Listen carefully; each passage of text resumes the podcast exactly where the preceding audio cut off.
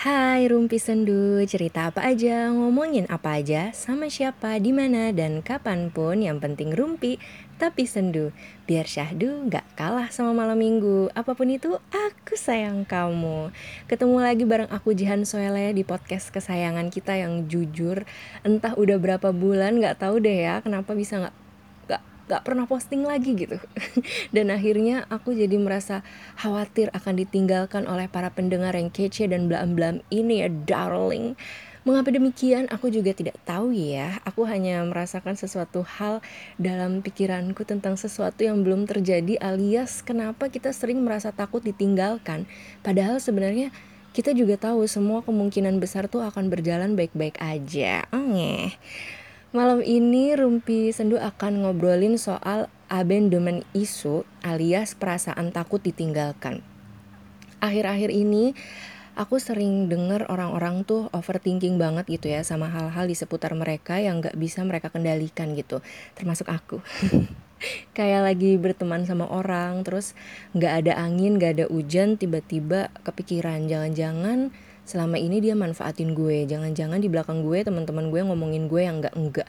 Jangan-jangan karena gue marah tadi terus dia nggak mau temenan lagi sama gue abis itu gue dikucilkan abis itu gue nggak punya siapa-siapa dan gue nggak tahu apakah akan ada pelangi setelah badai hidup gue ini berakhir ataukah selamanya hidup gue akan begini dan selalu begini memandang orang lain dari kejauhan. Mereka tertawa bahagia sementara gue hanya bisa tersenyum sambil menyembunyikan menyembunyikan duka yang datang setiap hari Lalu di bawah senja gue dengerin lagu sedih sampai berkata-kata di dalam hati. Ya Tuhan, mengapa hidupku begini? Mengapa hidup mereka begitu? Mengapa nasibku begini? Mengapa nasib mereka begitu?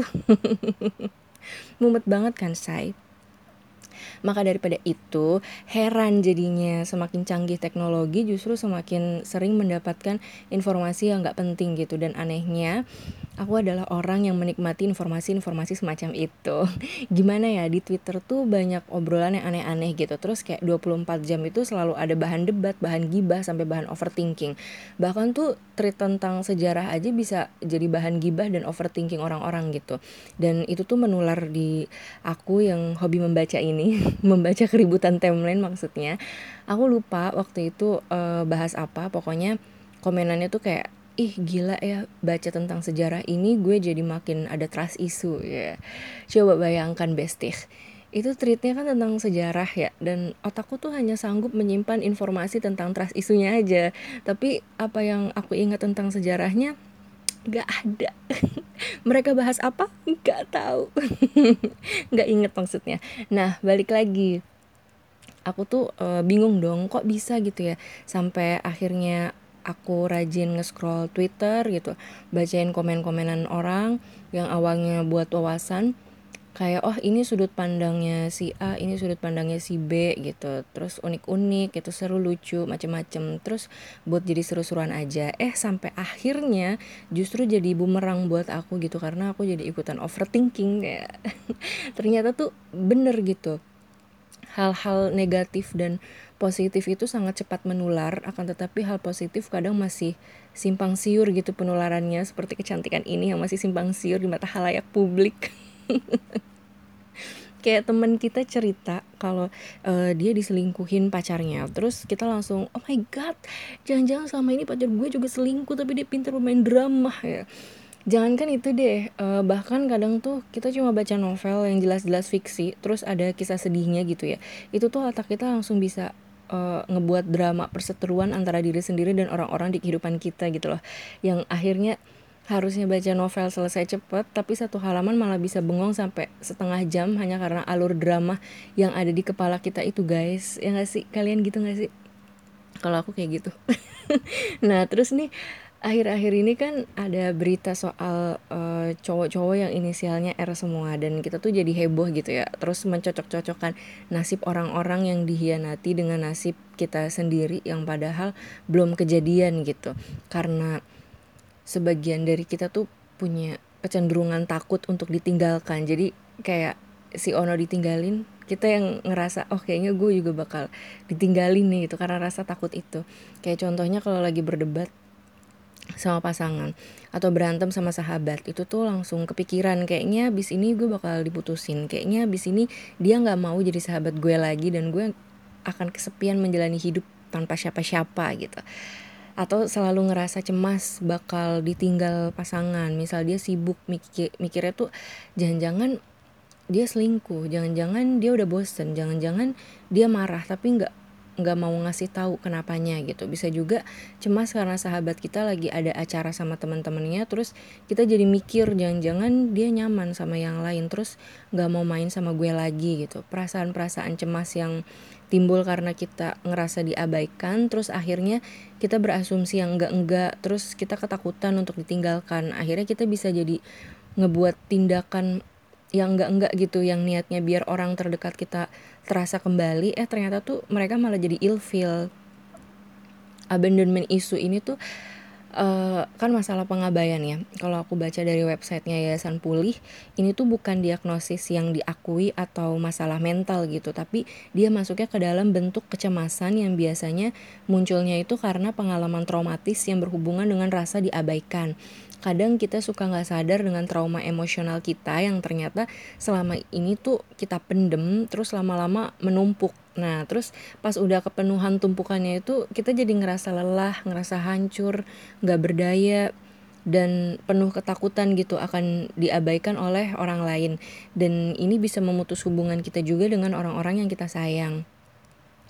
Atau bahkan bisa juga dengan cara sebaliknya. Jadi saking kita takut buat ditinggalkan, jadi kita memilih untuk meninggalkan. Contohnya, kita cari kesalahan orang lain terus nih, atau enggak kita yang mengabaikan orang terdekat kita dengan alasan yang enggak jelas gitu. Sebenarnya abandonment isu ini awalnya sebagai bentuk pertahanan diri yang datang dari alam bawah sadar kita supaya hati kita tuh nggak lagi tersakiti karena dia munculnya tuh kan dari kecemasan akibat trauma kan. Nah, tapi masalahnya alam bawah sadar kita tuh nggak punya filter untuk mengetahui hal-hal mana yang perlu dikhawatirin secara berlebihan dan hal-hal mana yang nggak perlu kita khawatirin gitu. Akhirnya ini jadi bertambah dengan rasa insecure, rasa semakin diabaikan karena berpikir nggak ada yang peduli sama kita, merasa nggak dihargai, merasa cuma seonggok daging yang dibuang ke tong sampah alias nggak ada loh yang nggak apa-apa. rumit kan kayak dunia kita tuh jadi gelap gitu. Merasa sangat rendah dan takut dengan banyak sekali hal karena nggak ngerasa berdaya. Uh, jadinya tuh kayak rasanya tuh nggak enak gitu di kitanya. Terus kita nggak tahu harus ngapain gitu. Nah tapi sebelum itu semakin parah kita bisa mengetahui gitu biasanya apa sih tanda-tanda seseorang memiliki memiliki memiliki abandonment isu ini. Nah, kalau kita baca-baca ini tuh uh, selalu deh kalau misalkan masalah dengan uh, mental kita gitu ya atau perasaan kita itu pasti ada di pemikiran kita, psikis kita itu yang perlu banget kita perhatiin gitu. Kayak kita punya kecenderungan yang kuat buat menyenangkan hati orang lain mendapatkan validasi berusaha keras supaya kita bisa melakukan sesuatu sesuai sama ekspektasi orang lain supaya kita tuh bisa selalu ada di sisi mereka dan mereka tuh nggak akan pergi dari kita.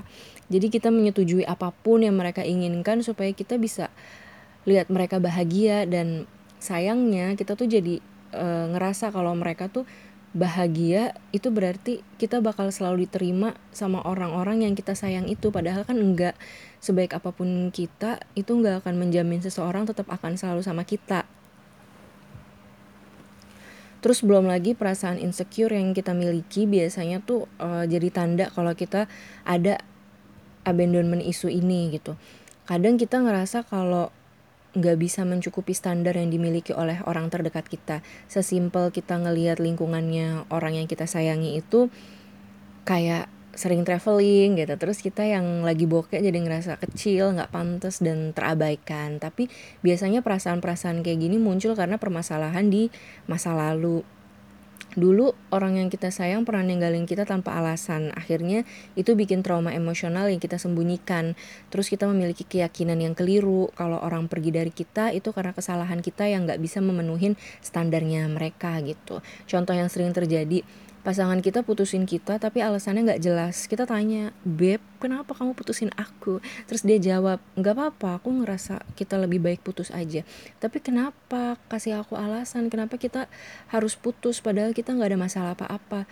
Ya nggak apa-apa nggak semua yang kita lakuin di dunia ini ada alasannya kan. Nah, terus dia pergi tuh tanpa meninggalkan bau sedikit pun. Nah mulai deh tuh otak kita bereaksi mulai dari mikirin hal-hal buruk yang pernah terjadi tapi didiemin sampai ngejelek-jelekin diri sendiri. Apa dia mutusin aku karena waktu itu aku kentut di bioskop terus diam-diam dia malu ya? Apa dia putusin aku karena sebenarnya aku ini bukan tipenya. Kan mantan mantannya keren semua sedangkan aku hanya sisa-sisa sobekan tisu ya. Lalu mulai tuh uh, kita cerita ke teman-teman kita yang notabene punya kecenderungan insecure yang sama dengan kita yang punya trauma masa lalu yang sama dengan kita yaitu ditinggalkan tanpa alasan. Dan ketika kita bercerita mereka ngejawab halah paling juga ada yang lebih menarik paling juga udah lama mendem terus akhirnya nyari cara biar bisa putus. Halah kamu kali suka ketus sama dia lihat aja tuh muka kamu ngeselin. Ah itu mah pasti dia nyimpen sakit hati sama ini soalnya kamu kalau ngomong nyelekit ya. Apalagi kebiasaan kita itu adalah refleksi. Kalau ada hal buruk yang menimpa kita itu berarti salah kita. Kalau kita dibenci orang coba kita berkaca. Bisa jadi kita yang selama ini emang gak baik sikapnya. Apa yang kamu tanam itulah yang kamu raih gitu kan? Dan akhirnya kita sampai pada kesimpulan bahwa kita tuh yang salah gitu. Dan kita emang gak layak dicintai siapa-siapa cie. Padahal jalan perenungan itu kan masih panjang dan refleksi itu kan gak cuma dari satu sisi. Akibatnya kita selalu memastikan orang-orang yang kita sayangi itu untuk selalu meyakinkan ke diri kita bahwa kita nggak akan ditinggalkan oleh mereka. Contohnya di dalam hubungan apa pun itu sering muncul pertanyaan kenapa sih online tapi nggak bales? Kamu nggak suka ya chattingan sama aku? Kok kayaknya jawabnya nggak seseru pertama kali kita deket? Kamu udah bosen ya? Kamu capek ya jadi sahabat aku karena aku suka cerita sama kamu dan pasti itu ngebebanin kamu selama ini ya tapi kamu nggak ngomong sama aku. Padahal bisa jadi orang-orang yang ditanya itu sikapnya masih biasa-biasa aja cuman pikiran kitanya aja gitu yang terlalu rrr, gitu rrr. terlalu rumit gitu selain dua hal tadi kita juga sering kesulitan buat percaya sama orang lain. Dan akhirnya kita ngerasa kalau kita perlu mengontrol penuh hubungan yang kita jalanin. Karena rasa sakit di masa lalu kita itu juga akhirnya bikin kita susah percaya dengan orang yang menyebabkan kita tuh jadi mudah curiga, mudah cemburu, posesif dan perilaku-perilaku mengontrol yang lain gitu kepada pasangan dan teman-teman dan orang sekitar kita orang yang punya abandonment isu ini biasanya merasa nggak nyaman dengan keintiman emosional. Kayak membuka diri lebih jauh pada orang lain baik itu kenalan temen dan pasangan gitu. Dampaknya jadi seakan dia tuh menjauhkan orang lain dari dirinya dan sulit bertahan untuk komitmen dalam hubungan jangka panjang gitu karena permasalahannya itu Terus sama yang kayak aku bilang tadi, mencari-cari alasan buat meninggalkan hubungan. Misalnya cari-cari masalah supaya putus. Seingat aku tuh, uh, aku pernah dengar public figure yang bilang kalau dia tuh suka takut menjalin hubungan dan akhirnya tiap pacaran dia mutusin cowoknya karena ketimbang dia disakitin atau dihianatin mendingan dia putusin aja sebelum hal buruk itu tuh terjadi dan hubungannya jadi lebih mendalam gitu jadi kayak dia perlindungan dia tuh dengan cara seperti itu kalau gue kayak gini nih kalau gue yang putusin oke okay, gue ngerasa aman gitu. Sakitnya tuh nggak akan sesakit ketika gue yang disakitin gitu atau gue yang dikhianatin kayak gitu. Terus um, apalagi ya? Kadang ini tuh jadi uh, masalah orang-orang yang punya masalah dalam dirinya gitu. Jadi kadang tuh orang-orang tuh uh, segelintir orang itu merasa berhak menjaga diri sendiri tapi dengan jalan menyakiti orang lain. Sering banget ketemu sama orang-orang yang disakitin tukang selingkuh gitu tapi dia balas dendam sama orang-orang yang gak bersinggungan dengan sakit hatinya itu yang akhirnya sifat-sifat kayak gitu tuh menambah luka di hati orang baru lagi gitu terus memperbarui luka gitu. Orang yang baru itu memperbarui luka. Terus habis itu makin banyak makin banyak terus jadi orang-orang terluka tuh makin makin bertambah dan sama-sama melukai orang yang baru lagi gitu. Jadi kayak apa sih? Kayak lingkaran lingkaran seton jadi si ini sakit hati sama si Anu tapi ya dia ngebalesnya ke orang yang baru. Terus orang yang baru sakit hati sama dia terus dia balesnya ke orang yang baru lagi gitu. Jadi nggak ada habis-habisnya. Padahal kan kalau kita sakit ya kita tuh kan berobat dulu gitu. Sama kayak perasaan kita yang terluka karena hubungan uh, percintaan misalnya. Ya kita pulihkan dulu luka-lukanya istirahat dulu dari hal-hal yang bisa memunculkan luka-luka itu. Nanti kalau udah siap baru kita menjalin hubungan yang baru. Nah, tapi ternyata sifat yang mudah pindah atau mudah move on ini juga sering terjadi dengan orang-orang yang memiliki abandemen isu. Jadi nggak memberikan waktu sendiri untuk menangani rasa emosional, tapi justru udah pacaran lagi, pacaran lagi gitu. Baru dua bulan putus sudah pacaran lagi. Lama-lama kalau dibiarin itu tuh bisa ketergantungan gitu. Jadi menjalin hubungan sama orang lain tuh nggak nggak kerasa bermakna karena yang penting ya sekedar ada gitu sekedar seneng gue punya pacar ada yang merhatiin ada yang belai-belai ada yang diajak ngobrol diajak bermesraan diajak ke mana-mana tapi di hati tuh rasanya nggak damai gitu loh karena cinta yang dijalanin tuh sekedar lompatan demi lompatan sementara di dalam hati dan pikiran itu tuh masih ada kenangan-kenangan buruk, masih ada rasa sakit, masih ada ingatan tentang kebersamaan dengan yang sebelumnya. Akhirnya tuh semua semuanya tuh em emosi dan pikiran kenangan semuanya tuh campur aduk gitu. Terus jadinya uring-uringan atau malah jadi membohongi diri sendiri gitu. Nggak tahu nih kita beneran suka apa enggak sama nih orang? Beneran sayang apa enggak jadi kayak rasanya hambar atau nggak tahu gitu berada di dalam hubungan itu tapi nggak tahu e, arahnya gimana nggak tahu rasanya gimana gitu. Alhasil bisa jadi orang yang mudah bosan gitu. Bisa jadi terkesan nggak berada di dalam hubungan itu karena sibuk dengan perasaan-perasaan di masa lalu. Bisa juga uh, jadi orang yang terus mencari-cari gitu dan itu semua kayak nggak ada ujungnya itu tadi. Terus aja cari cari cari udah ada tapi itu rasanya kayak nggak di sini coba gue cari lagi cari lagi gitu. Aku punya temen dulu mending gitu ya putus dua bulan udah punya pacar lah ini baru putus seminggu udah ada lagi gitu loh yang baru. Terus dia kayak bangga gitu punya koleksi mantan banyak dan aku yang dengerin tuh kayak ih gila ya keren banget nih ini cewek gitu kan. Sampai saking terinspirasinya zaman SMP tuh pernah berhayal bisa punya pacar banyak banget. Pokoknya aku mau koleksi mantan pacar seenggaknya 20 mantan selama enam tahun gitu. Tapi di lain sisi kalau dipikir-pikir kayak gitu tuh emang buat apa sih gitu ya? Berencana punya banyak mantan kayak gitu kan pasti banyak kenangan ya otomatis. Dan buat aku yang seperti ini tuh banyak kenangan itu akan memperpanjang durasi ngelamun ya. Jadi kayak nggak produktif jadinya. Nah akhirnya aku uh, urungin dong niat itu. Karena boro-boro 20 mantan ya. Satu cowok aja dulu nggak ada yang mau sama aku loh. Nah ada fakta yang menarik nih. Orang yang punya abandonment isu juga secara nggak langsung tuh lebih cenderung memilih pasangan yang memberikan perlakuan buruk ke mereka. Kayaknya sih ini beberapa kasus gitu ya uh, orang yang punya permasalahan-permasalahan di dalam diri itu emang selalu cenderung mendekatkan diri mendekatkan diri kepada hal-hal yang membuatnya sakit gitu. Mungkin tanpa sadar gitu. Jadi kayak rasa nyamannya tuh sebenarnya di situ semu ya. Maksudnya kayak nggak nggak pengen kayak gitu. Tapi mereka tuh mendekatkan diri ke hal-hal yang bikin mereka sakit gitu.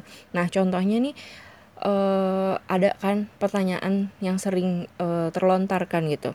Kenapa ya cewek-cewek mau dicintai mau diperlakukan baik tapi selalu memilih pacar yang jelas-jelas berpotensi nyakitin mereka? Kenapa ya cowok itu pengennya punya cewek baik hati tapi yang selalu bikin mereka bucin itu cewek-cewek yang posesif, yang ngatur-ngatur dan banyak nuntut. Sedangkan cewek baik malah mereka sakitin. Karena ketika kecil banyak dari kita mempelajari rasa sayang yang keliru dan pengalaman itu yang e, kita rawat sampai besar gitu. Jadi kalau nggak kita perbaikin ya jadinya akan kayak gitu terus. Jadi dalam keadaan sadar nggak sadar udah nyaman dengan hal-hal yang bikin kita tersakiti itu. Untuk mengatasinya kita perlu ke psikolog. Kalau dirasa kayaknya ini udah membentuk pola yang berulang-ulang terus kita harus segera ditanganin gitu karena udah nggak nyaman nah itu kita perlu banget kan konsultasi ke psikolog. Terus kita bisa cross check lagi gitu kira-kira apa sih penyebab kita kayak gini dan gimana sih solusinya? Bisa juga cari sudut pandang lain tentang hubungan supaya kita nggak terjebak dengan pikiran-pikiran buruk kita maupun hubungan bersama pasangan keluarga ataupun hubungan bersama teman-teman dan orang-orang terdekat. Jangan lupa juga menciptakan hal-hal positif di dalam diri kita gitu supaya nggak mudah tersedot energi negatif supaya hidup kita tuh terasa lebih ringan dan mengemaskan. Dan pastinya uh, sadar gitu ya rasa sakit, trauma dan sebagainya itu tanggung jawab diri kita sendiri bukan orang lain. Jadi kalau dirasa belum sanggup untuk memulihkan diri, jangan menyeret orang lain gitu ke dalam luka-luka kita walaupun sulit banget karena ini kayaknya permasalahan manusia udah kayak seribu banding satu ya. Pasti banyak yang ngerasa kayak gini tapi dicoba dulu aja lah ya. Semangat. Sampai sini dulu. Makasih banget udah mau dengerin podcast aku lagi. Sampai ketemu lagi di rumpi sendu selanjutnya. Rumpi Sendu, cerita apa aja, ngomongin apa aja, sama siapa, di mana dan kapan pun. Yang penting rumpi tapi sendu. Biar syahdu nggak kalah sama malam minggu. Apa pun itu, aku sayang kamu. Dadah!